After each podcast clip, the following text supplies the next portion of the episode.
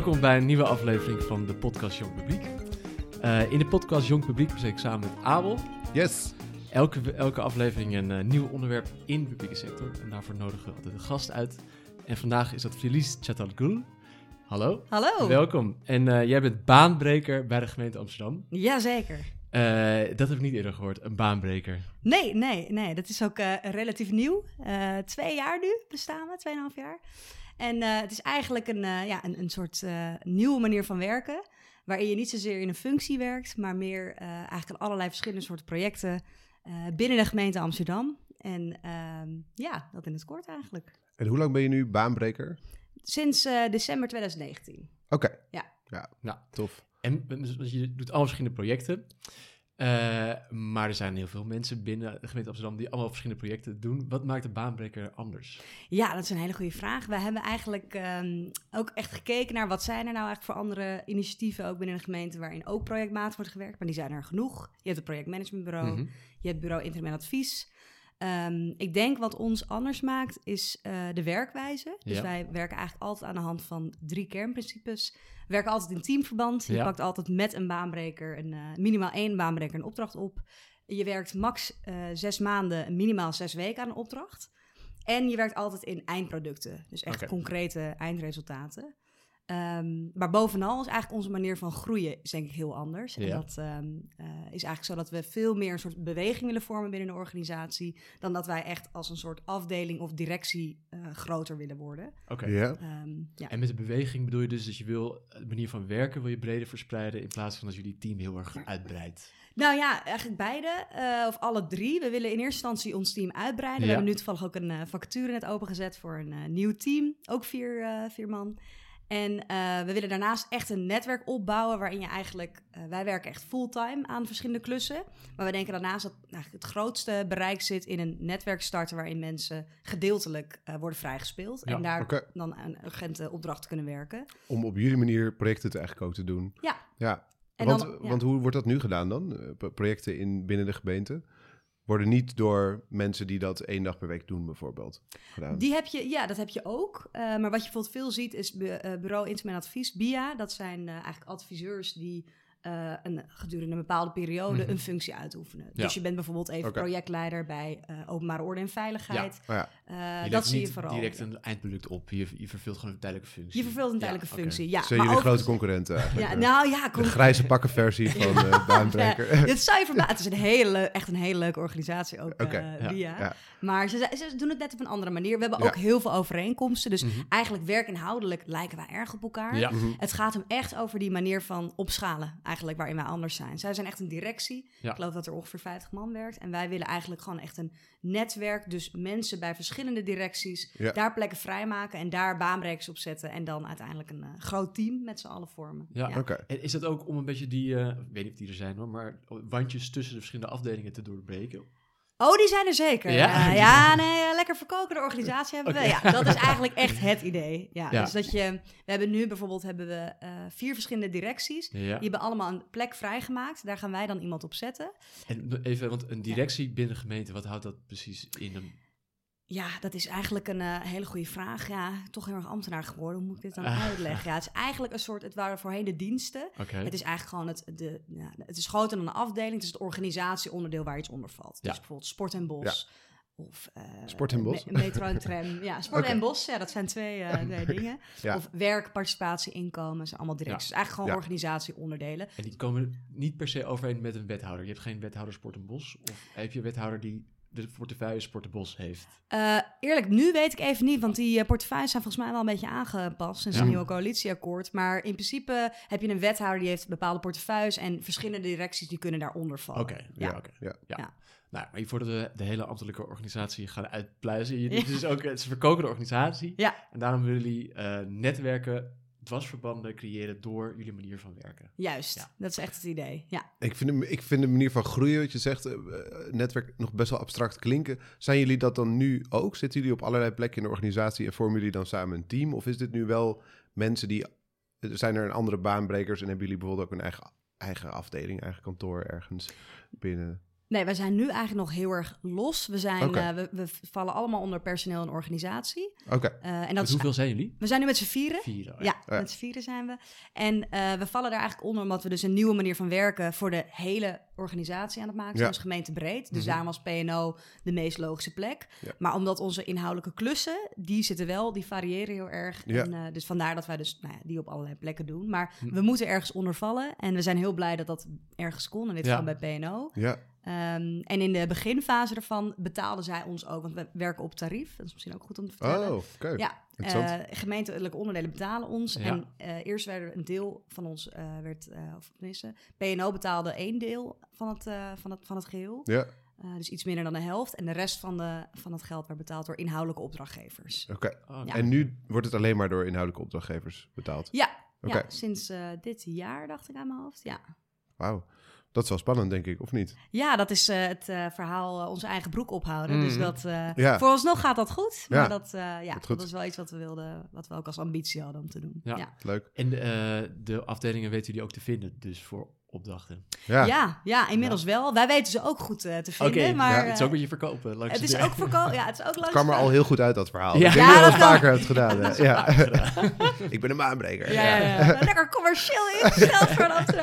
Nou, we, gaan, we gaan langs bij mensen. Ja, we hebben sowieso... eh, we hebben alle, alle vier een traineeship gedaan. Dus we hebben al een groot netwerk binnen Mhm. de gemeente. Ja. En die eh boren we eigenlijk ook telkens aan op het moment dat er opdrachten liggen. eh, of op het moment dat we een op- opdracht zoeken.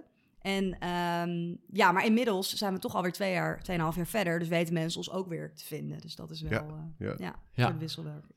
Eh, tweeënhalf jaar verder, is, is dat tijd om eh, de origin story eh, te... Nou, ik ben nog wel benieuwd naar wat moet ik je bij projecten voorstellen. Misschien Oh ja. is dat toch wel Ja, leuk om een beetje te horen van hoe en hoe komt het project dan bijvoorbeeld tot stand? Wat voor gesprek heb je dan met die opdrachtgever? Ja, een hele goede vraag ook. Ja, eh, projecten kunnen heel erg gevarieerd eh, zijn. Ehm, eigenlijk hebben we dus, eh, ja, het is, hadden we maar een beter woord hiervoor, maar een afwegingskader voor wanneer Mhm. wij projecten aannemen. Het begint vaak gewoon met of iemand benadert ons, of wij kijken bijvoorbeeld gewoon ook puur door het nieuws en we gaan op zoek naar een opdracht en we plannen een gesprek in met, eh, met een contactpersoon. En we kijken dan vervolgens van, nou, wat, wat is het probleem? Hè? Wat is er aan de hand? En dan kijken we eigenlijk aan de hand van het afwegingskader van, is dit nou een geschikte opdracht voor ons? Ja. En dan is de eerste check, is het, is het een bestuurlijk of ambtelijk urgente opdracht? Je ehm, twee... Wat is het verschil tussen bestuurlijk urgent of ambtelijk urgent? Ja, bestuurlijk urgent, dat het echt ja, vanuit de politiek of vanuit een wethouder wordt gezien als een eh, belangrijk speerpunt. Ja. En ambtelijk zou dan meer iets zijn wat echt eh, meer op de organisatie gericht is. Bestuurlijk misschien iets meer buiten op de stad. Ja. En ambtelijk is echt meer nou, in- binnen de gemeente zelf wat, eh, ja. Ja, oké. En de tweede check die we doen is, is het een integraal onderwerp? Is het iets wat echt van één eh organisatie, onderdeel of directie is? Mhm. Of is het iets wat meerdere domeinen beslaat? Want Ja. dan komt er vaak ook, hè, vaak eh, is er dan ook een probleem dat het, hè, van wie is dit stukje nou Ja. eigenlijk? Ja. Hoe komt het tot stand? Hè? Ja. Eh, be- ben ik daar wel van, ben ik daar niet van? Dus Mhm. dat is iets wat... eh, Ja. En als het niet zo is van, hè, hoe kan het dat de business dat niet kan oplossen? Als het echt maar van één eh Mhm. directieonderdeel is. Ja. En een derde is, eh, kunnen we een duurzaam resultaat borgen? Ja. Eh, en dan kijken we echt naar het stukje op het moment dat wij deze opdracht aannemen en iets, en iets eh, afleveren. Wat wordt daar dan mee gedaan Ja. uiteindelijk? Ja. Ja. Ja, dus het is, moet niet, eh, geen helpende handjes posities invullen, maar echt, er Nee. moet een, eh, een einde aan, aan een project zitten met Ja. een... eh, ja. En ook geen eh, ja, schrijf een advies en dan belandt dat ergens in een la onderin. Ja. Dat, eh, Maar dus een, het, het moet iets duurzaams worden en integraal. En moet het dan juist wel of niet ambtelijk zijn of bestuurlijk? nou, dat maakt niet zo, zo Dat maakt niet uit. urgentie Als maar urgent is. Ja, Oké, ja. urgent, ja. Ja. want dat is ook een test hè, van moet dit echt worden opgepakt of kan dit ook als mensen zeggen, nou, alsof het nu kan of over een jaar Ja. maakt niet zoveel uit, dan gaan er bij ons al alarmbellen af van eh, misschien Ja. is dit Ja. dan niet per se En hoe, voor ons. hoe, want stel er komen twee vragen op je af. Eh, wie bepaalt dan de urgentie en welke eerder aan, de- aan de beurt komt? Doen jullie dat zelf? Of is dat... Ja, dat is een heel goede vraag. Dat doen, we hadden eerst een soort van eh, ambassadeursgroepje die met ons ook echt meekeek. Van nou, dan leg, legden wij opdrachten Mhm. voor.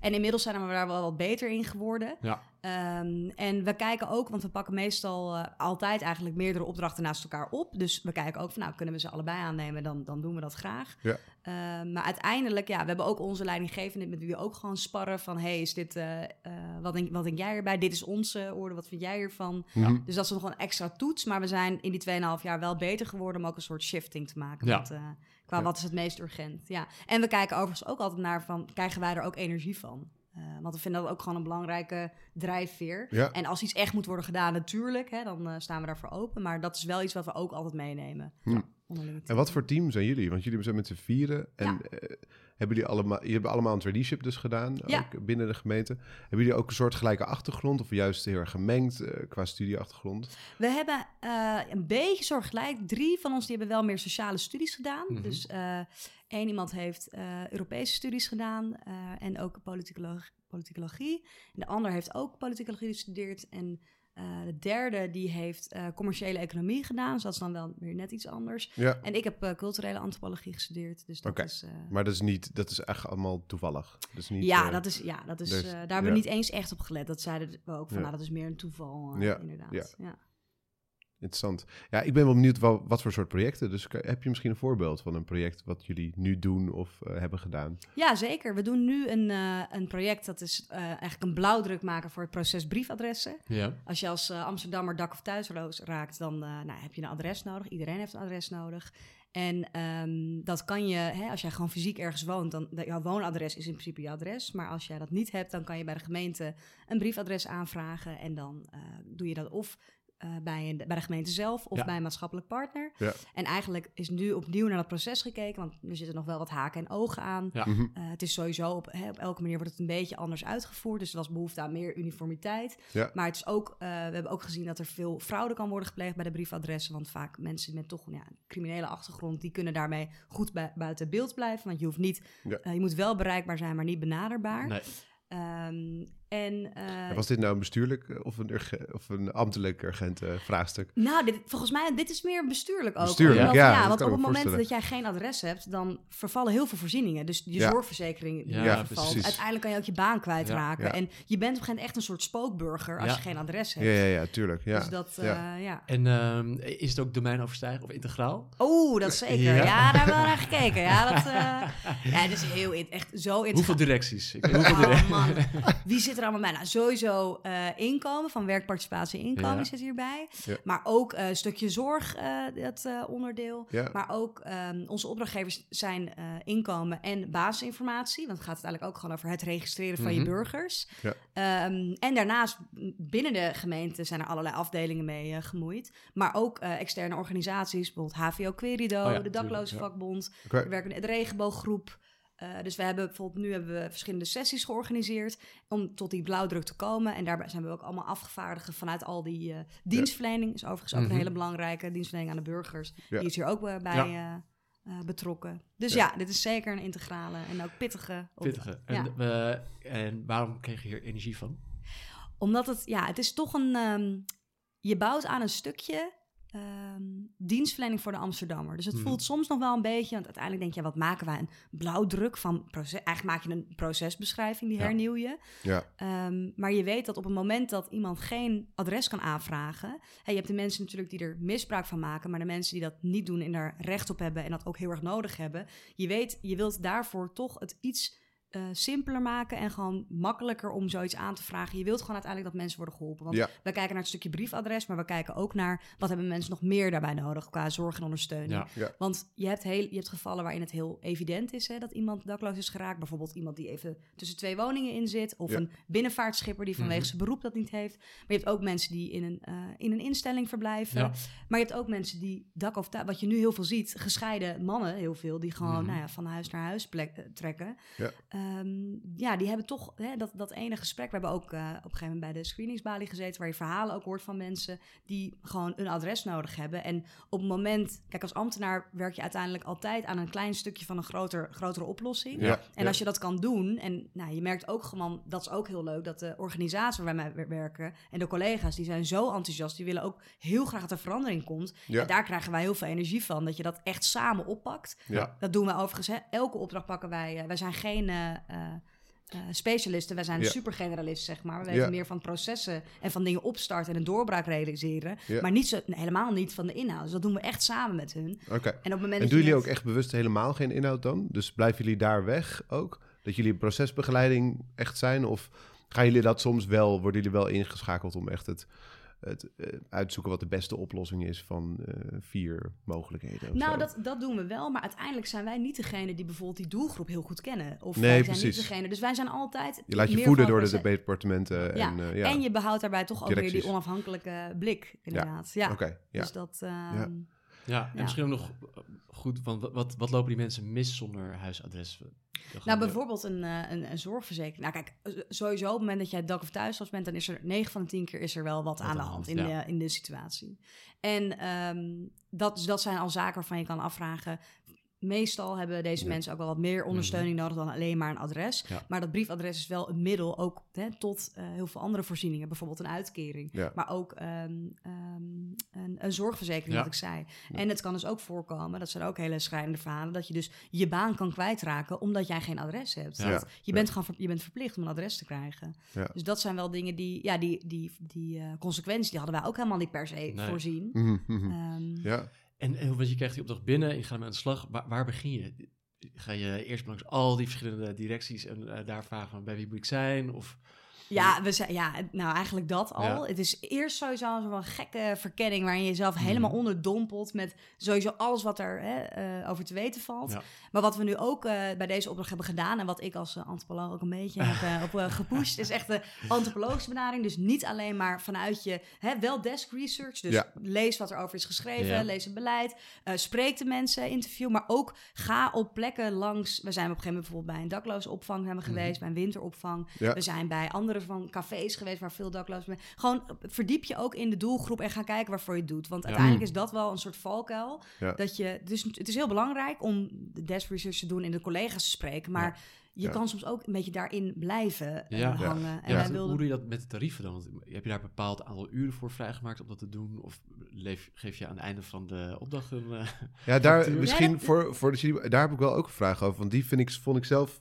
eigenlijk verbazingwekkend. Want ik denk Ja. dat er heel veel mensen zijn die projecten doen bij publieke organisaties in de publieke sector. Ja. Maar een pub- en dan heb je vaak dat dat salaris al betaald is, dat er geen tarief gerekend wordt. En dat Ja. je dus een project zo opgestart is, maar het daardoor ook wel vaak moeilijk afrondt. Want je weet niet of er. Er is geen afwegingskader, zeg Ja. maar eigenlijk. Ja. Eh, dus hoe werkt dat nu bij jullie? Moet je dan een hele onderhandeling juist door aan het begin? Want het is ook ingewikkelder om een project op te starten, dus eigenlijk. Ja, kijk, wij, wij maken altijd van tevoren een opdrachtformulering. Waar Mhm. en het verhaal staat bij die, hè, die, die vragen, dat afwegingskader, dus de duiding daarbij. Waarom is het urgent? hè? Ja. Sowieso even een beschrijving, wat is het probleem? En Ja. dan die drie punten van het afwegingskader. Eh, maar ook bijvoorbeeld, wat gaat onze rol daarbinnen zijn? En welke eindproducten leveren we op? Dus dat dwingt ook iedereen om na te denken van... welk concreet resultaat kunnen wij neerzetten... eh, in een project tot zes maanden en met hoeveel baanbrekers gaan we daaraan zitten? Want dat Ja. is ook altijd een vraag van, eh, is het een two-man's job of eh, gaan we met het hele team er toch mee bezig Ja. zijn? En vervolgens een schatting. Je gaat eigenlijk kijken naar, oké, deze producten, bijvoorbeeld in het geval van de briefadressen, is dat een blauwdruk Ja. wat we gaan opleveren? Je gaat denken, nou, wat hebben we daarvoor nodig? Daar moeten we een aantal sessies voor doen, de, hè, we moeten desk doen en dergelijke. En dan uiteindelijk maak je een schatting van het aantal uren waar, waar, waar je denkt dat je, eh, hoeveel je ermee gaat bezig zijn. En dat keer het, eh, het, het, het tariefbedrag. ja, Ja. Eh, en vervolgens ga je daarover in gesprek. En tot nu toe moet ik zeggen dat ehm, dat niet een hekelpunt is geweest met de afdeling. Die hebben Nee. vaak wel budget, hè? Ja. Oh ja, want dat is misschien ook nog goed om te zeggen. Kijk, de, de reden waarom wij hierbij zijn begonnen... is om een nieuwe manier van eh, werken uit te testen. Mhm. Zowel voor werknemers, hè, voor ambtenaren die op een ander, nou, iets anders willen ervaren. Dus we geloven er ook in dat voor heel veel mensen dit ook heel motiverend kan werken Ja. om op deze manier eh, aan de slag te gaan. Maar het is ook om eh, eh, de externe inhuur in terug te dringen. ja, Ja, Want wij denken dat er heel veel mensen in de gemeente lopen die er hartstikke goed in zijn. Ja. En die we veel beter kunnen gaan benutten. Ja. Eh, dat wil niet zeggen dat we nooit meer extern hoeven in te huren. Bepaalde expertise en dergelijke is alleen maar hartstikke Mhm. goed. ja, Ehm, maar voor veel type opdrachten, vooral die wij zien, is het Ja. eigenlijk kun je prima eh, gewoon hè, intern eigenlijk inhuren. Ja. ja. En dat tarief, wij zijn ook wij- lager dan externe. Ja, ja. Plus, wij zijn nog binnen de organisatie. Ja. ook. Wij zijn niet weggevlogen. Op een Nee. En het proces van een externe inhuren is ook vaak veel intensiever voor opdrachtgevers dan intern, lijkt mij. toch? Absoluut. Maar eh, wil, willen opdrachtgevers niet meteen aan het begin weten van, nou ja, want hoeveel gaat het dan kosten? Ik wil het gewoon geregeld hebben. Ja, ja, ja dat, dat is zeker. Dat willen ze. Maar dat, dat, geeft, dat, hè, dat spreken we ook met elkaar af. Oké, Er zijn ook oké, één à twee je gesprekken waar je dan tot komt. Ja, Eerst van, nou, haal je op Mhm. hè, en dan verwerken we het uiteindelijk in een document, gaan we ook in gesprek. En we zeggen altijd, we, we- sowieso plannen we ook, dan zetten we ook in een tussentijdse evaluatie Ja. en een eindevaluatie om te kijken, is het inderdaad het aantal uren geweest dat we hebben afgesproken? Het is vaak een moeilijke, Ja. die maakt een schatting. Ja. Soms komt het overeen en soms niet. Nee, precies. Oké, jullie, want dat, dat, dat is, jullie stoppen uiteindelijk gewoon de uren erin die nodig zijn om Ja. het voor elkaar te krijgen. Daar Ja. wordt niet een afweging gemaakt. Nou, misschien gaandeweg wel van, eh, dit gaat gewoon veel te veel tijd kosten. Veel Ja. meer dan verwacht. Nou, dat hebben we ook wel eens meegemaakt. Ja. Eigenlijk wel vaak dat je denkt, oh ja, om echt tot een resultaat te Mhm. komen, moet er misschien toch wat werk in steken. Maar Ja. het blijft ook een afweging van, kijk, uiteindelijk als je ergens bent, dan eh, is de verleiding ook groot om steeds meer erbij te gaan doen. Hè? Want op een gegeven moment zit je er helemaal in. En scope steeds groter wordt. ja, Ja, en je wilt toch wel, nou, je wilt, je wilt een goed resultaat eh, afleveren. Dus als dat soms betekent dat je even toch wat verder moet gaan, dat je net nog hè, wat erbij pakt, Ja. natuurlijk, dan doen we dat. Dan zijn we echt Ja. niet de beroerdste. Nee. Maar je wilt uiteindelijk ook gewoon wel focus ja, op de scope houden en niet eh, uiteindelijk voor alles worden ingezet. Ja. En dat geldt ook voor de duur overigens. Wij verlengen ook wel. Maar die max zes maanden hebben we er ook echt Die is op echt gezet. hard. Ja. Ja, Ja. nou, we hebben, we hebben even kijken, één of twee keer verlengd. Dat was toen in coronatijd, omdat het echt moeilijk was om dat, eh, dat dan in te schatten. En toen hebben we ook gezegd, ja, op het moment dat wij nu weggaan, dan doet dat ook iets met het resultaat. En dat willen we niet. Dus we blijven wat langer. Maar uiteindelijk dwingt het je ook om, nou ja, heel eh, Ja. resultaatgericht bezig Ja. te zijn ook. Ja. Misschien is het nog wel leuk als je een aantal andere eh, producten kan opnoemen die jullie hebben gerealiseerd. Ja, ja, zeker. Ehm, we zijn gestart met twee opdrachten. Dat was de eh, eh, programmaplan Amsterdam 750 jaar. Ja. Nou, dat was heel erg tof om aan mee te werken. Dat is natuurlijk iets wat nu ook eh, Mhm. hè, weer een vervolg krijgt. Ja. En tegelijkertijd waren we ook bezig met een dashboard voor verkeer in openbare ruimte. Waarin eigenlijk alle verkeersmodaliteiten van Amsterdam in inzichtelijk werden. Dat was echt een eh datagedreven eh, opdracht. Ja. En uiteindelijk is bijvoorbeeld dat eh, dashboard ook gebruikt als eh, of een aantal databronnen die erin zaten als basis voor de druktemeter die er op een gegeven moment was in eh coronatijd. Dus dat is Oh ja. mooi, hè? Dat is Oh. weer een klein stukje Ja. je dan werkt. Ja. Ja. En dat, ehm, maar we hebben ook bijvoorbeeld ehm inclusieve straatnaamgeving eh, beleid voor gedaan. En dat was ook wel een mooie opdracht, want Hm. die, daar werkten we heel dicht mee samen met de burgemeesters. Hij Ja. voerde echt dat, eh, dat document. En dat was toen ten tijde van de eh, Black Lives Matter protest op de Dam. Nou, toen wisten wij, we gaan haar even niet te spreken Nee. krijgen. En we kunnen nu allerlei dingen gaan verzinnen. Maar laten wij hè, eventjes... eh, we kregen toen de vraag vanuit de afdeling ondersteuning ondernemers. Ja. Eh, er was hulp nodig omdat nou, heel veel mensen, Mhm. in, ondernemers in coronatijd, ofwel eh, moesten doorgaan met hun bedrijf of stoppen en dan iets anders moesten doen. En nou ja, daar was eigenlijk een middel voor nodig. Mhm. Wat wisten we toen nog niet? Dat is overigens een opdracht waarin we, we zijn eigenlijk aan het begin heel strikt van, nou, dan moet er het eindproduct eh, liggen. Ja. Maar hiervan hebben we natuurlijk ook gezegd, nou, wij snappen in deze roerige tijden dat dat even niet is, maar dat er wel een enorme urgente behoefte ligt. Die hele Ja. afdeling was toen bezig met het uitkeren van de tozo. Er waren Ja. ook heel veel meer mensen naartoe gestroomd.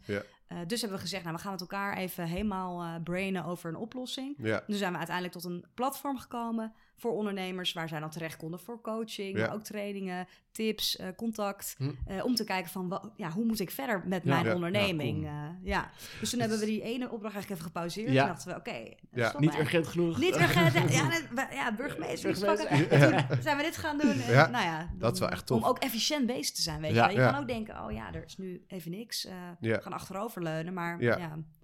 Want je, het, op, opeens denk ik van, je, je zegt eigenlijk, er, er moet een eh, oplossing voor ogen zijn hè, aan de voorkant van een project. Maar dat is natuurlijk heel ingewikkeld, want heel veel mensen weten niet wat voor oplossing er moet komen, toch? Voor, Ja. hun, voor hun, hun urgente probleem.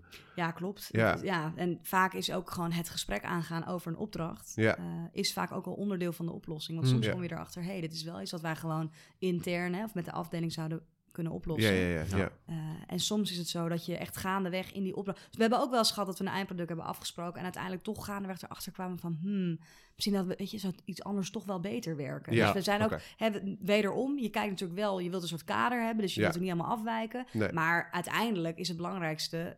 Zo, hè, als de afdeling maar weer verder kan. Ja. Dus Ja. dat, eh, Ja, het is vooral de vorm van het eindproduct en niet per se zozeer wat er allemaal bij komt of erin hoort natuurlijk, die je bedenkt. Ehm, ik ben echt zwaar onder de indruk, wa- want ook omdat ik al gehoord heb hoe dit nou allemaal is ontstaan. Kan je daar wat over vertellen? De, hoe is de baanbrekers eh, tot leven gekomen? how it all began. Ja, De beweging. De Waar? beweging, ja. ja. Wat Ehm, aten jullie terwijl jullie... eh, Ja. ja, we zijn dus... eh, eh, we hebben alle vier een traineeship gedaan. Ja. Ehm, eh, een van ons die heeft het eh, G4 traineeship gedaan. Dus die Mhm. is eh, alle grote gemeenten langs geweest. En de andere drie hebben dus het Amsterdamse traineeship gedaan. En de bedoeling van traineeship is, hè, je gaat in twee jaar tijd... ga je aan allerlei afdelingen werken, op allerlei thema's... Ja. in verschillende rollen. Dan proef je een beetje van van alles. En uiteindelijk kies je dan eh, waar je mee verder wil. En ken je jezelf beter en weet je waar je blij van wordt. mhm. Ehm, en Ideaal plaatje eh. Ideaal Ja, plaatje, ja, ja. ja. En dan kom je ergens op een, eh, in een functie, op een afdeling. En heb je wel heel veel ervaring opgedaan die je dan daar ook kan toepassen. Ja. En wij hebben toen gezegd van ja, waarom zouden we niet eh, experimenteren met een andere vorm van uitstroom? Mhm. Bijvoorbeeld in teamverband. Want in een traineeship doe je individuele opdrachten, Oh ja. maar je doet ook groepsopdrachten. En wij waren met eh, 22 man. En dat was af en toe ook wel een uitdaging om daar dan eh, hè, concrete eindresultaten mee Ja. neer te zetten. Dus Ja. we hebben daarnaar gekeken. We dachten, er zit hier echt potentie in. Maar we Mhm. denken dat wij veel meer resultaten kunnen boeken als we die groep wat kleiner maken. Mhm. En als we eh, echt wat concretere eindproducten afspreken. Nou ja, dat ging, dan, dat ging toen zo zitten. Dat was bij Ian overigens. Die had eh, eigenlijk het eerste Ian is idee. een van de, Ian is een van de van de baanbrekers. ja. En die eh, had het idee en die dacht, van, nou, die ging met het idee naar Zekkie. En Zekkie zei, ah, dit, dit zie ik wel En zitten. Zekkie is... Zekkie is de tweede is de tweede, baanbreker, ja.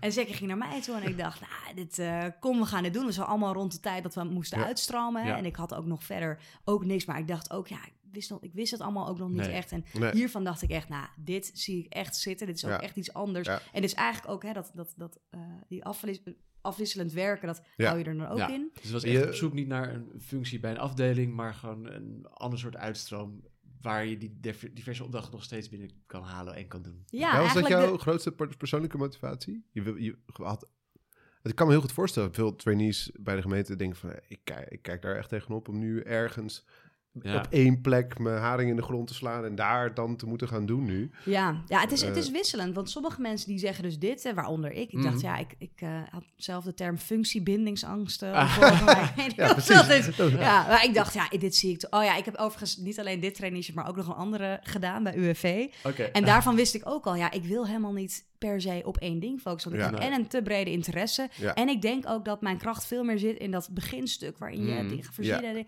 gegeven moment weer doorgaat. Maar andere trainees, die zeiden weer, ja, ik heb eh, twee jaar allemaal wel weer even gezien. Ik heb echt behoefte om nu gewoon wel me ergens op te specialiseren. Ja. Dat is ook oké. Ja. Het gaat er uiteindelijk om dat je jezelf beter leert kennen. Ja. Maar wij dachten dus, ja, die succesfactoren die we allemaal hebben verzameld en daar wat mee kunnen, Mhm. ja, dat willen we gewoon verder brengen. Mhm. En toen zijn we ook nog Nizar, die heeft het G4-traineeship Ja. gedaan.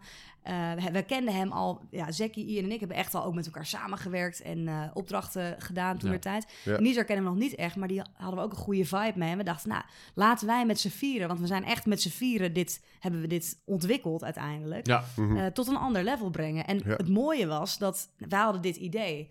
eh zijn we toen gaan aanscherpen, weet je wel. Van, nou, wat, eigenlijk vragen gesteld. Ook Mhm. bijvoorbeeld, er zijn al heel veel initiatieven binnen de gemeente... of afdelingen die projectmatig werken. Wat zou onze niche dan zijn? Of, hè, want als wij niks kunnen toevoegen... dan moeten we onszelf ook afvragen of dit wel nut heeft. Ja. En toen zijn we uiteindelijk met... eh, ehm, eh, even kijken, dat is de directeur PNO, Mhm. personeel en organisatie omdat het natuurlijk een werkwijze voor de hele gemeente is. En de directeur interne dienstverlening, dus een van de vijf clusters binnen de gemeente Ja. hebben we gezeten, hebben we dit idee gepitcht. En overigens ook met veel collega's die we om ons heen hadden, die hier ook wel feeling voor hadden. Ja. Eh, manager van het, van het eh eh, traineeship organisatie destijds en ook collega's daar.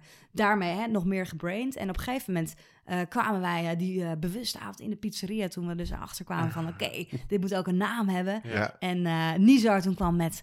We hebben echt zoveel dingen... Nou, echt zoveel dingen bedacht. En Nizar kwam opeens met baanbrekers. Ja. En we waren helemaal enthousiast. Sek, ik word hem. En Ian keek een beetje bedenkelijk zijn toen, ja... De baanbrekers. En Toen, toen begon het allemaal. Ja, Wat goed. ja. En toen, en toen zei de manager PO, zei, nee, dat gaat hem niet ja die zei, joejoe, je hebt helemaal geen zin.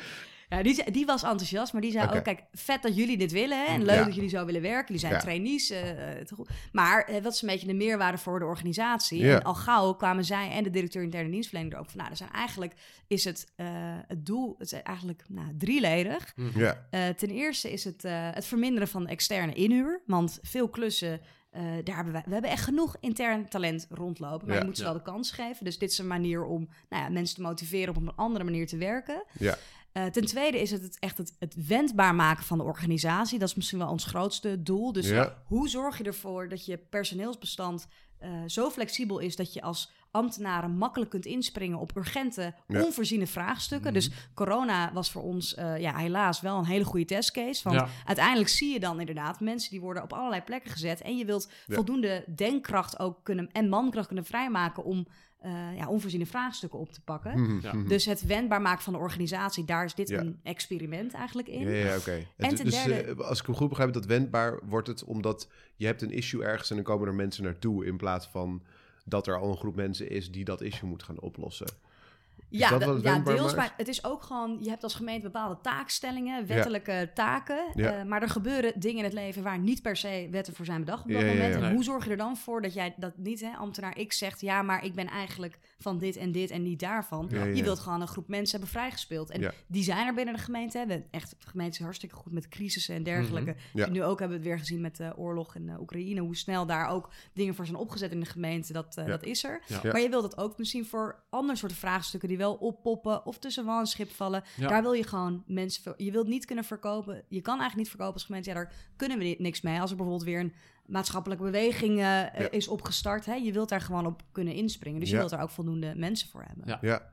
En dan de derde. De derde, en die is misschien ook wel relevant voor deze podcast. Dat is eigenlijk het, eh, het, de doorstroom en behoud van jong talent. Ja. Want ja. wij denken dat dit... We hebben wel wel eens gevraagd van, joh... eh, mensen vroegen aan ons, ja, jullie zijn allemaal rela- relatief jong. Nou, ik ben 32, dus ik ben alweer oud eh, bij deze club. Maar jullie zijn relatief jong. Ja. Is dit echt alleen maar voor jonge ambtenaren of is het ook voor meer? Nee, dit, wij zien dit echt voor mensen die Ja. aangaan op deze manier van Ja, werken. Dus dat is niet per se een leeftijd aangebonden. Nee. Maar we denken wel dat veel jonge mensen hierop aangaan. Vooral omdat ze ook misschien niet heel goed... Nou, misschien het werken bij de gemeente heeft een beetje een reputatie. Mhm. Ja. En vaak toch wel, je doet één ding en daar word je heel goed in. Eh, en nou, dat is ook hartstikke mooi, dat moet er ook zeker zijn. Ja. Maar we willen ook laten zien dat er juist voor mensen die, dat is misschien ook wel iets meer de tijdsgeest van nu. Het is niet meer je doet een functie voor 40 jaar. Het is je gaat veel meer rondkijken, jezelf Ja. ontwikkelen, Ja. proeven aan verschillende dingen. Ja. Nou, naast traineeships is dit daar ook een mogelijkheid voor. ja.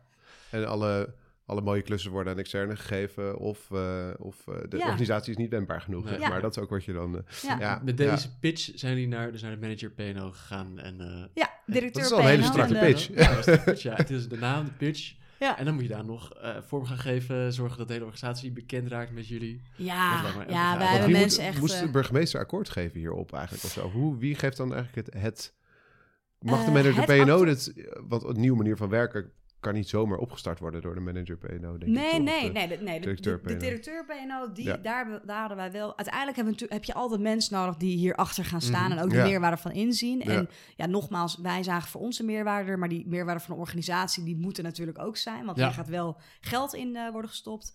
Ehm, dus uiteindelijk was het eh, eh, hè, nou, lekker eh, bureaucratisch... maar je Mhm. hebt de directeuren en je hebt daarboven dan de, de clusterdirecteuren... en daarboven de gemeentesecretaris. Hè. Uiteindelijk is het een ambtelijk verhaal, dus de burgemeester... die hoeft er geen akkoord op te Ja. geven. En de gemeentesecretaris uiteindelijk... ja, degene onder hem, de interne dienstverlening... dus de onderdelen die allemaal de eh, gemeente bestendigen... Ja. zeg maar, de gemeentelijke organisatie... die moest hier een go eh, voor geven. En die heeft eigenlijk al redelijk snel gezegd... van nou, ik eh, zie hier de meerwaarde van in... Ja. maar jullie gaan een... je krijgt twee jaar de tijd eigenlijk om jullie zelf te bewijzen... Mhm. Ehm, en dat hebben we toen ook gekregen. En het eerste jaar daarvan stond echt in het teken van valideren. Dus die drie kernprincipes werken die. Eh, is er überhaupt vraag naar? Ja. Hè? We hebben onszelf inderdaad echt eh, nou, op allerlei afdelingen. Ja. We hadden natuurlijk al een redelijk netwerk door traineeship. Eh, maar we hebben zoveel mogelijk mensen benaderd Mhm. om over deze manier van werken te vertellen. En Ja. ook gewoon om opdrachten op te halen.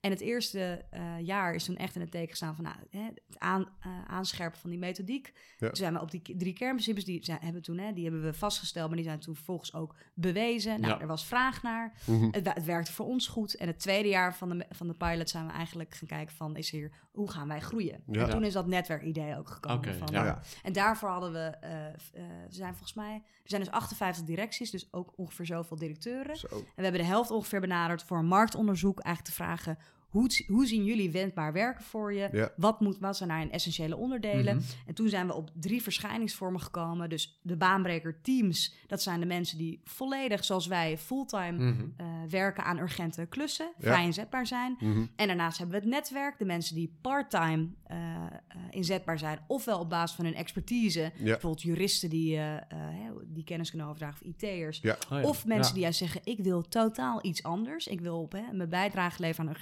vraagstuk, maar even in een hele andere rol. Ja. Ehm, en we hadden daarnaast ook nog de baanbrekers in-house. En dat kwam eigenlijk meer uit de directeuren.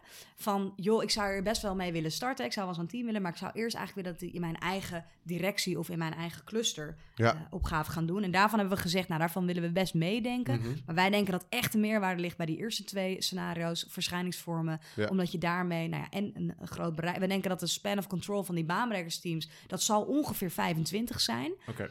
En, maar dat netwerk, daar kunnen wel honderden mensen in Ja. zitten. Hè. Dan Oké. moet je je voorstellen dat die dan oplichten, laten we zeggen bij zo'n eh Oekraïne-crisis, Mhm. dat je eigenlijk gewoon nou, in het organogram allemaal stipjes ziet oplichten van Ja. mensen die gedeeltelijk eh, een bepaalde expertise Ja. kunnen leveren. Ja, ja. Ja. Die dat is doen wel lastig, want dan, die hebben in principe gewoon een eh, volle werkweek. Ja. En hoe regel je dan dat ze dan bij zo'n eh, crisissituatie een lichtje gaat... eh, Nou, dit is dus precies. We zijn nog niet begonnen aan het netwerk. Nee. Dit is iets wat wij met. We zijn nu wel bezig met het werven van een tweede team. En dit is iets wat wij echt met hun ook samen willen gaan kijken van hoe kunnen wij dit het beste oppakken. Want inderdaad, eh, mensen hebben gewoon een eh, taakstelling of Ja. gewoon een, hè, een workload. ja. En hoe kun je ervoor zorgen? En daarvoor hebben we ook echt het management daarboven nodig. Dat deze mensen ook kunnen Ja. worden vrijgespeeld. Maar het is echt een experiment. Dus Ja. kijken van waar lopen we tegenaan? Is het überhaupt haalbaar? Ja. Ehm, op welke manier zouden we het wel mogelijk kunnen maken? Dus dat is echt de, de volgende fase eigenlijk die we ingaan Oh ja. met het eh, concept. Ja. Ja. En moeten jullie nog aan iemand eh, buiten jullie vier akkoord vragen voor, voor een project eigenlijk? We hebben, op? We hebben op een gegeven moment hadden we een soort ambassadeursgroepje dus gestart. Maar we merkten op een gegeven moment van, nou, hè, we, we, we zagen zelf Ja. op een gegeven moment Dus konden dat we zijn veel een aantal beter selecteren. directeuren, denk ik dan? Of, eh, Nee, dat waren eigenlijk eh, enthousiaste collega's die wij Ah, eh, op een bepaalde manier hadden ontmoet. Ja, Ehm, die dachten met ons mee. En nu hebben we eigenlijk gewoon onze leidinggevende die gewoon met ons mee kijkt eigenlijk van hè, aan wie wij opdrachten voorleggen van joh, dit is ons idee en dit zit Mhm. erachter. En die Ja. ja, geeft vervolgens echt een officieel akkoord. Eh, ja, is ergens nodig, maar we merken dat het een hele fijne samenwerking is waarin zij ook gewoon aangeven van joh, ik Ja. zie hier ook de meerwaarde van in. ja, ja. Ehm, maar wij kijken bijvoorbeeld wel, wij denken dat wij nog best een professionaliseringsslag daarin kunnen maken. Dus ja. een BIA, een bureau intermediaat advies, die Ja. hebben een heel sterk acquisitieproces ook. En wij denken, nou, wij kunnen daar volgens mij nog heel veel van leren. Ja. Dus het zijn Ja. wel dingen die we ook steeds meer willen aanscherpen. Ja. Ja. ja. En eh, loop je wel eens tegen weerstand op? Want het is natuurlijk een hele nieuwe manier van werken. Ja. Eh, kan me voorstellen dat de andere mensen... Ja, ik wil ook wel een beetje vrij eh, mijn opdrachten kunnen kiezen. En, eh, Ja, ja, nou, we- ja we- kijk, uiteindelijk, ik denk dat heel veel ehm, consultants bijvoorbeeld daar ook, eh, of mensen die bij adviesbureaus werken, daar ben ik meekijken. Als jij op een afdeling komt als nieuweling en jij Mhm. komt even wat vertellen over hoe het allemaal wel beter zou moeten of wat Ja, dan ook, ja. dan krijg je natuurlijk ook collega's die misschien denken, nou, ehm, hartstikke leuk, maar Ja. weten jullie eigenlijk wel wat van de inhoud? Mhm. Nee, eh, eh, leuk dat jullie zo'n eh, energie hebben, maar jullie weten helemaal niet hoe het gaat. Dit hebben we al geprobeerd, horen Ja. we vaak. En, Ja. Vijf jaar geleden. ja, precies. En dat ja. was mislukt. En, hoezo? Dus ja, dit, dat krijg je wel. Maar Ja. de, ja, de kunst is wel ook om... Vaak zit daar ook een, hè, een bron van, een kern van waarheid achter. Mhm. Om te kijken, nou, hoe komt het dan dat het niet lukte? En Ja. ook op een diplomatieke manier ermee om te gaan. Want Ja. inderdaad, wij zijn niet van de inhoud. Dus we willen echt ook... Nou, onze taak is ook om die inhoud ook boven water te krijgen. En dan samen te ki- kijken van, nou, wat, hè, wat verslag kunnen we daarin maken? Ja. Ehm, ik, denk dat het, ik denk dat baanbrekers ook... Het, het heeft natuurlijk... Het is, ja, het is wel een woord dat je denkt... Oh ja, wat, wat, eh, het kan misschien ook wat mm, weerstand wat, wat opwekken. breken dan? ja, ja, wat, wat kom je breken? Ja, hoe dan? Dus dat, eh, dat kan ook wel een beetje voor eh, kritiek. Maar we- wat wel leuk is, dat we soms wel sceptische collega's hebben... die dan aan het einde naar ons toe komen en zeggen van... yo, weet je, we hebben echt fijn samengewerkt en wat Ja. moois neergezet. Ja, en je hebt ook gewoon collega's, want in dat marktonderzoek met de directeuren... waren ook hele kritische directeuren bij... die, ook, Ja. die een hele andere ideeën daarbij hadden. Overigens, en, eh, twee van hun hebben we echt... die waren heel, eh, hoe zeg je dat, positief kritisch, Mhm. heel constructief. Dus daar hebben we echt ook, daar heb je ook heel veel aan. Hè? Mm. Niet alleen maar mensen Ja. die zeggen, joh, wat leuk, eh you. Maar echt hè, mensen die kritisch meekijken, Ja. waardoor het idee ook gewoon beter wordt. Eh, en je hebt ook altijd mensen die er gewoon niet per se op aangaan. En dat is ook oké. Dat, Ja, ja, dat, ja, eh, we ja. kunnen niet iedereen Moet je meekrijgen. ook accepteren. ja, Ja, we Gaan echt, wij doen echt de follow the energy eh Ja. strategie hierin. Dat het, eh, Maar vind ik wel een mooie eerste les van follow the energy is een goeie. Ja, dus, dus wat, ik, ik vroeg me af, wat is nou essentieel als je zo'n soort idee hebt om dat van de grond te krijgen? En ik vind het wel goeie dat je, dus volg de energie en accepteer ook dat niet iedereen daarop aanslaat. ja. Wat zijn nog andere dingen waarvan je echt denkt van, nou, dat was echt onmisbaar. Ehm, eh, ik kan me voorstellen dat je mensen al nodig had om het mee te doen. Ja, sowieso. Ja, kijk, het teamverband is een van onze kernprincipes. Maar we geloven ook echt. We hadden het er laatst ook over dat we dachten, ja, we, we denken echt, kunnen wij nog wel alleen in een functie werken? Want we Ja. zijn zo gewend om minimaal met z'n tweeën, maar eigenlijk met z'n vieren gewoon dingen op te pakken. En Ja. gewoon steeds, eigenlijk is bijna over bij ons zo'n brainstorm, waarin je Ja. gewoon nou, hè, Mhm. ideeën gooit. En die worden ook gewoon steeds beter en steeds meer aangescherpt als je andere mensen daarop laat meekijken. Ja, ja. En zo hebben we ook een aantal PNO-collega's die met echt vanaf moment één bij ons zijn. Ja. Die met ons meedenken, die eh, kritische vragen stellen, Mhm. die aan invalshoeken denken waar wij nog niet aan hebben gedacht. Ja, ja. Ehm, en gewoon, dus echt collega's om ons heen. En ook mensen die gewoon, eh, ja, hoe zeg je dat, op een bepaalde positie zitten in de gemeente. Ja. De directeuren, de interne. Die, want uiteindelijk, als je die niet meekrijgt, ja, dan dat is wel iets ja, essentieels ook om echt ook nog stappen te kunnen maken. Maar volhardendheid zou ik zeggen, en dat zit zeker wel in ons team, Mhm. dat is heel belangrijk. Er zijn ook een aantal mensen tegengekomen die zeiden, nou grappig, ik wil iets soortgelijks opzeggen, maar, opzetten, maar dat is toch niet gelukt. En dan vroegen Ja. wij ook, ja, waar lag dat dan aan? Nou, soms hele praktische dingen dat mensen op een gegeven moment wel willen, maar toch gaan weer verder zoeken. ja. Maar het is ook gewoon ja, een lange adem hebben, want dingen gaan niet altijd snel Nee. Nee. bij de overheid. En dat is ook ergens goed. Want jullie zijn sinds 2019, of december 2019, baanbrekers, zei je, Ja. volgens mij. Maar eh, hoe, la- hoe lang daarvoor ontstond het idee? Ehm, we zijn gestart met traineeship eh, september 2017 en in mei 2019 moesten we uitstromen. En ik denk dat het zo rond april, maar ja, redelijk zeg maar laat aan het einde is het, Ja. is het een echt Oh jee. eh, ja. Ah, ja. Goed onder druk, hè? Ja. Misschien heeft dat Ja, ook ja, ge- ja. geholpen. Urgentie gewoon bij Ja, jezelf. zeer ook, ja. gevoeld. Ja, Persoonlijke ja, urgentie, ja. ja. Ja. En, toen, en toen is het dus wel, als ik het hoor, wat is het, klein jaar dus, voordat dat gelukt is. ja, ja, want Maar wij... dat vind ik echt al heel snel eigenlijk. Als je, ik bedoel, ik- inderdaad, eh, de gemeente heeft een bepaald imago en werken daar. Dat lijkt me niet iets waar je zomaar even dat uit de grond stamt, zeg maar, een nieuwe manier van werken. Nee. Nee. Dus dat, eh, nou, is wel bijzonder dat dat gelukt is ook. Ja, is, ik moet ook zeggen, ik vind het echt vet. Want Ja. Was je al weg geweest misschien zonder de baanbrekers bij Ja, de dat is een gemeente? hele goede vraag. Ik heb wel eens Ja. afgevraagd wat zou ik doen. Nou, ik denk, eh, we hebben het ook wel eens over gehad. Kijk, BIA is een superleuke organisatie. De- we hebben ook gezegd, ja, dat, dat zou ook echt een mooie kans zijn Ja. om daar dan te werken. Dus en iets, iets soortgelijks hè, op projectbasis. Ehm, ik weet niet of ik zou zijn weg geweest, want ik denk ook... Uiteindelijk, ik heb twee traineeships gedaan als Ja. een soort eh, wandering eh, persoon. Maar ik denk uiteindelijk al die, die trainees worden ook ingezet. Ook gewoon om eh, jong talent te benutten, maar ook Ja. om mensen te vragen die net zijn afgestudeerd om mee te kijken op processen die al jaar en dag zo gaan. Van Ja. hoe zou het ook anders kunnen? Ja. En ehm, dat is vaak ook spannend, hè? want ze willen eigenlijk dat je tegen heilige huis aanschopt. Maar Ja. ik heb al meerdere malen ook meegemaakt als het puntje bij paaltje komt, dat het toch allemaal erg Ja. lastig is om dan echt de verandering in te zetten. Ja, ja. Dus je hoeft eigenlijk maar één iemand te hebben die in elk geval erin gelooft. Hè. Voor ons was dat ook echt onze, Ja. eh, onze leidinggevende nu. Die Ja. zei van, nou, ik zie hier echt potentie in. Kom, we gaan hier werk van maken. En Ja. nou, ook al die collega's daaromheen die allemaal Ja. een steentje bijdragen. En uiteindelijk, kijk, dan... eh, ja, het is wel blijven doorzetten. Mhm. Eh, maar ik vind het heel tof, want het is en heel snel gegaan. Maar Ja. het komt ook, ja, soms moet je ook gewoon de goede mensen hebben die erin geloven. ja. Je moet met elkaar bedenken. We hebben ook wel echt tegen onszelf gezegd aan het begin, maar ook na die twee jaar van luister, als hier geen meerwaarde in zit, dan moeten we ons daar ook bij neerleggen. ja. Maar het is wel, ja, wij hebben allemaal die drive en het, ja, dat klinkt een beetje cliché, maar echt, gel- we geloven hier ook echt in. Ja, we ja. merken dat het werkt. We krijgen er energie van. Ja. Dus daarom willen we hier ons ook gewoon voor hard blijven maken. En ook de mensen zoeken die hier ook eh, Ja, wat in zien. Tof. Ja. cool zeg. En eh, wanneer, eh, als je over vijf jaar... Deze had ik wel kunnen zien aankomen. zeg vijf jaar. Waar moeten de baanbrekers dan eh, staan? Baanborgers. Baan- Zo onderdeel van de organisatie. Ja. Ja, eerlijk, over vijf jaar.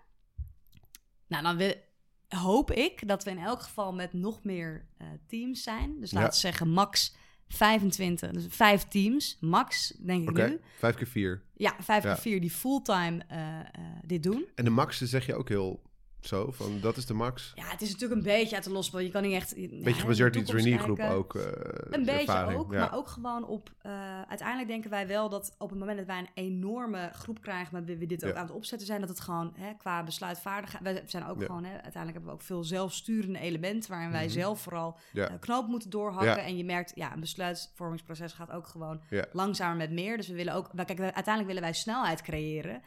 Maar willen we ook hè, gewoon een voor massa. Dus een beetje, we denken dat, nou ja, zo rond de 25, laten we zeggen, zouden er ook 15 kunnen zijn. De mensen Ja. die dit fulltime doen. En dus ook meewerken aan het verder brengen van het eh, concept. Mhm. Maar dat netwerk, ja, dat netwerk, daar hoop ik van dat daar echt honderden mensen in zitten. ja. die gewoon op oproepbasis basically kunnen worden ingezet. Ja. En die is nog heel spannend eigenlijk. Want die is nog heel dat spannend. Die is nog nieuw. in de making, ja. Mm. ja. En we denken echt wel dat daar eh, behoefte aan is. Maar we denken dat daar gewoon veel meer, ja, hoe zeg je dat? Ehm, grip op kan worden gekregen door gewoon Ja. te weten, dit is het netwerk. Ja. En het liefst ook met een soort, dat heeft een van de directeuren toen gezegd, ze hele mooie, we hebben zo'n zoek een collega systeem waarin je contactgegevens van mensen kunt vinden. Maar hoe vet als je ook daarin kan vinden wat iemands competenties zijn, waar Ja. mensen goed in zijn, waar ze graag op willen leren. Dat je eigenlijk gewoon een soort database hebt met mensen die eh, van allerlei expertises hebben.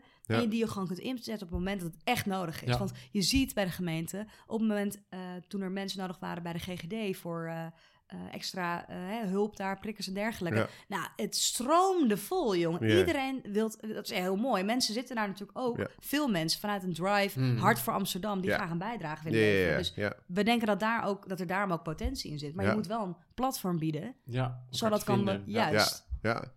En wat, wat heb je voor, voor de, eh, het baanbrekersnetwerk binnen de gemeente?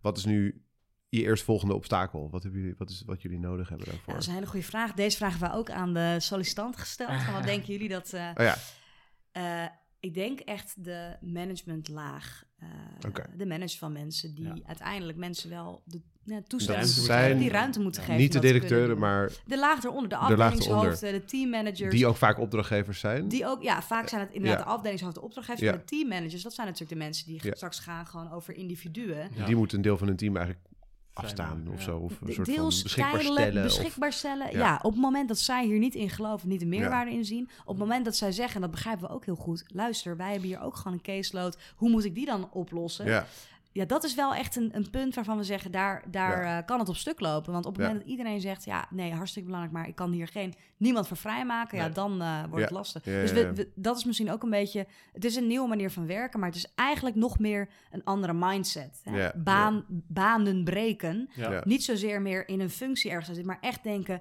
wat moeten we opleveren? En hoe kan ik daar, ook als ik in een functie zit, op een bepaalde manier een bijdrage aan Ja. leveren? Ja. Want hebben, gewoon even, waarom hebben jullie niet mensen nodig die dit willen doen?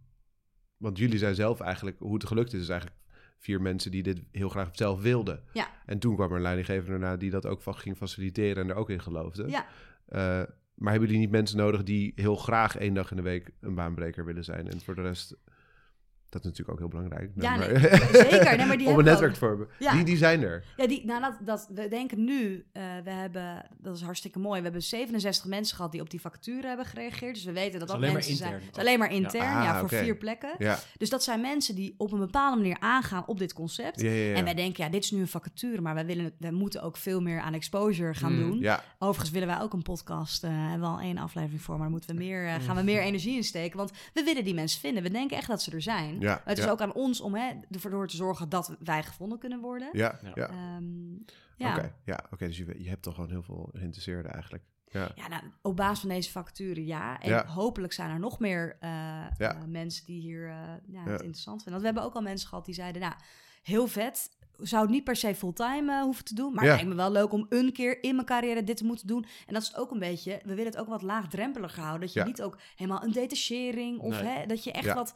makkelijker ergens even kan instappen. En ook weer flexibel wendbaar kan worden ingezet. Ja. En, ja, en daarvoor heb je natuurlijk ook gewoon een structuur nodig waarin dat makkelijker kan. Dus Mhm. een leidinggevende die zegt, joh, ik begrijp het. Het is goed voor jou, het is goed voor Amsterdam. ja. Let's go. ja. Spannend zeg. Ja, Ja. Eh, Om dat ook mee te experimenteren. Hoe dat, hoe- ja, hoe dat vorm gaat krijgen, dat netwerk. Ja. Ik, zie, ze- ik zie er zitten in zo'n control room waar allemaal lichtjes op branden. Ja. Een soort Batman licht, weet je wel. Baanbrekers! Nodig. Baanbrekers die wegrijden uit hun Ja, ja, ja. eh, regular day job. Ja, ja, ja. Pak uit. Stormen vanuit de stopera naar, eh, naar de gebieden. Ja. Ja. Je moet jezelf zelf natuurlijk ook niet te veel als helden neerzetten of zo. Dan Nee. schrik je misschien weer de andere gemeentemensen een beetje af. Wow, oh, wow. god, daar komen ze. Ja, komen ze. heb je hun weer. Ja. Ja, ja. Ah, super tof. Ik eh, vond het een heel inspirerend verhaal. Ik, eh, ja, ik zou willen dat ik zelf zo'n leuk idee had als mijn eigen traineeship eh, om op te starten. Want ik denk, eh, ik denk dat je er veel energie uit hebt gehaald, geloof ik. Hè? 100 procent. En nog ja, steeds het is haalt. echt superleuk. Ja, het is Ja. wel heel tof dat dit kan. Dat je Mhm. met een Ja, lijp idee komt en dat er mensen achter gaan staan en dat je het kan gaan uitbouwen. en dat eerste deel gewoon gelukt is. Dat is Ja, dat is super vet. Maar dat is ook eerlijk, die, die, die energie die golft nog steeds in ons door. Ja. Dat dat toen is gelukt, met elkaar, maar ook met iedereen die ernaar heeft meegewerkt. Ja. En dat maakt ook dat we hier nu ook zijn. En dat, dat is gewoon heel inspirerend. Dus ik vind dat grappig als dan mensen vragen van... oh ja, als ik dan vertel ik bij, bij de gemeente... dan zie je mensen... Mm, ja, weet je kijken van ja, Ja. oh ja, oh... Ja, ja. Vind je dat dan niet traag gaan? Of vind je Ja. dat dan niet? En dan denk ik, ja, dan vertel ik wat ik doe. En dan zie ik die ogen toch een beetje kijken van... Oh, geen idee dat dat kon en zo. Ja. Maar goed, Ja. dat hadden wij eerst in eerste instantie ook. ja, ja, En het moet ook maar net... eh, ja, het moet ook maar net allemaal... Hè, die stukjes moeten ook maar net allemaal in elkaar ja. passen. Ja. En het is wel gewoon... Ja, je moet, je, je moet er ook wel echt ehm, energie van krijgen. Ja, om eraan Ja. te trekken en heet het iets verder komen. Ja. Maar eh, ja, ja. Super vet. Ja. Leuk. Nou, ja, volgens mij zijn we er ook wel, hè? Ja, ik kan nog veel meer vertellen, Ja. maar ik heb het idee dat het Nou ja, wel... eh, misschien, eh, mag je je eigen podcast doen? Ja.